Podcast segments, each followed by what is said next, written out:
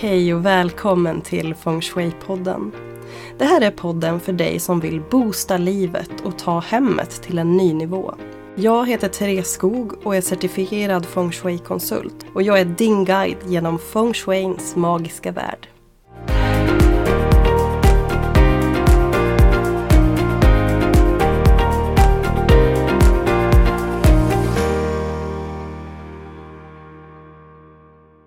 Hej och välkommen till Feng Shui-podden. Jag har just nu en hund i knät och en hund som ligger bakom ryggen på mig. Så att, ja, jag ber om ursäkt på förhand för diverse ljud som kan dyka upp här i avsnittet. Men det är dags för ett nytt poddavsnitt. Eh, vi har ju klivit in ett nytt år och det är dags för nya energier att ta över. Eh, och med 2023 så betyder det att vi lämnar tigerns år bakom oss och välkomnar istället kaninen. Och för dig som är helt ny för feng shui så kanske du undrar vad det är för djur jag pratar om. Eh, djuren kommer nämligen från den kinesiska astrologin. Eh, och I den kinesiska astrologin så använder man sig av 12 djur eh, till skillnad från oss i västvärlden som eh, använder oss av stjärntecken. Alltså våg och vädur och eh, jungfrun och alla, alla stjärntecken som de flesta av oss känner till. Den kinesiska astrokalendern styrs också av månen Eh, och den har använts i tusentals år. Och som jag sa så går vi nu in i kaninens år.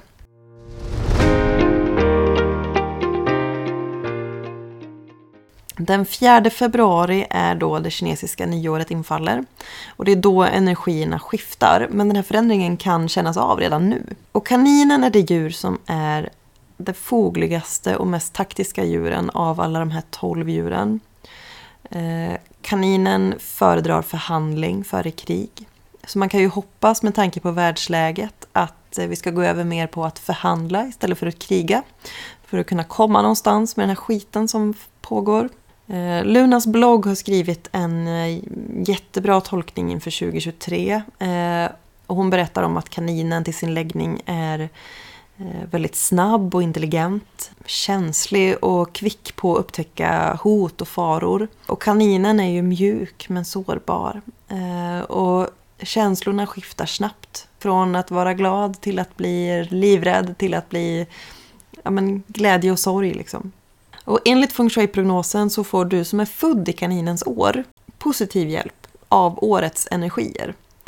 Eh, det kommer inte alltid att vara lätt, även om det kanske förutspås att du kommer att få lite extra stöd från året så kommer det att vara utmanande och svårt även för dig som är född i kaninens år.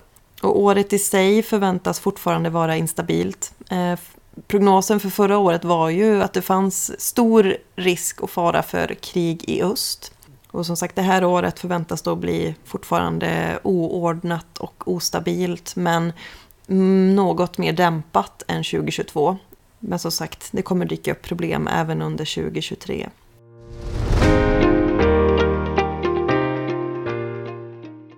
De energierna som dominerar under året är trä och eld och det är de två mest kraftfulla elementen Metall och jord fattas. Eh, metall och jord är de två element som egentligen är mest stabila och som står för mest trygghet och lugna element.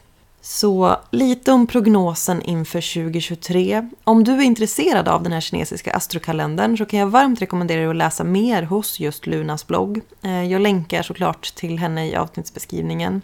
Eh, och på hennes blogg så kan du också ta reda på vilket djur du är född som, om du inte vet det. Eh, och du kan också läsa mer om prognosen inför 2023.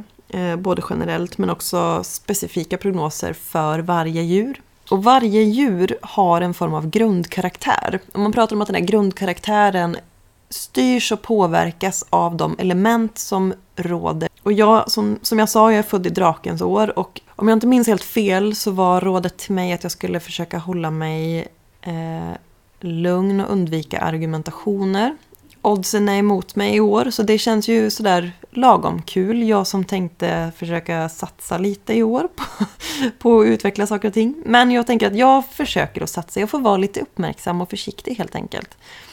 Eh, jag känner att det här är året som jag vill satsa på nätverkande och jag vill ta mitt företagande ett steg längre.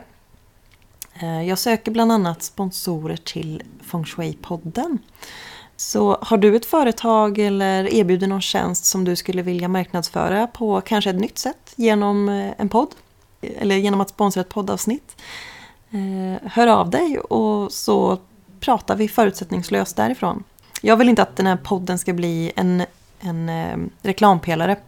Men det skulle kännas så himla fint att kunna lyfta andra företagare, andra entreprenörer eh, som erbjuder tjänster som kan hjälpa till personlig utveckling eller till eh, att få ett mer harmoniskt hem. Alltså sånt som jag brinner för. Jag tänker att tillsammans så är vi så mycket starkare. Och jag söker också gäster till kommande specialavsnitt. Så har du önskemål eller tips på någon som du skulle vilja att jag intervjuar i den här podden eller vill du själv kanske vara med? Eh, tveka inte att höra av dig till mig så, så tar vi det därifrån. Inga krav utan helt förutsättningslöst så kan vi bara prata vidare. Du hittar mig på skogliving.se eller på Instagram där jag heter skogliving.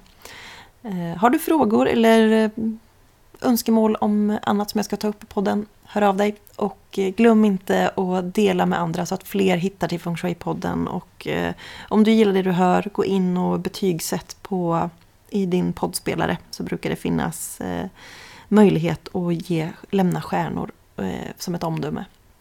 Tack för att du har lyssnat. Hej då.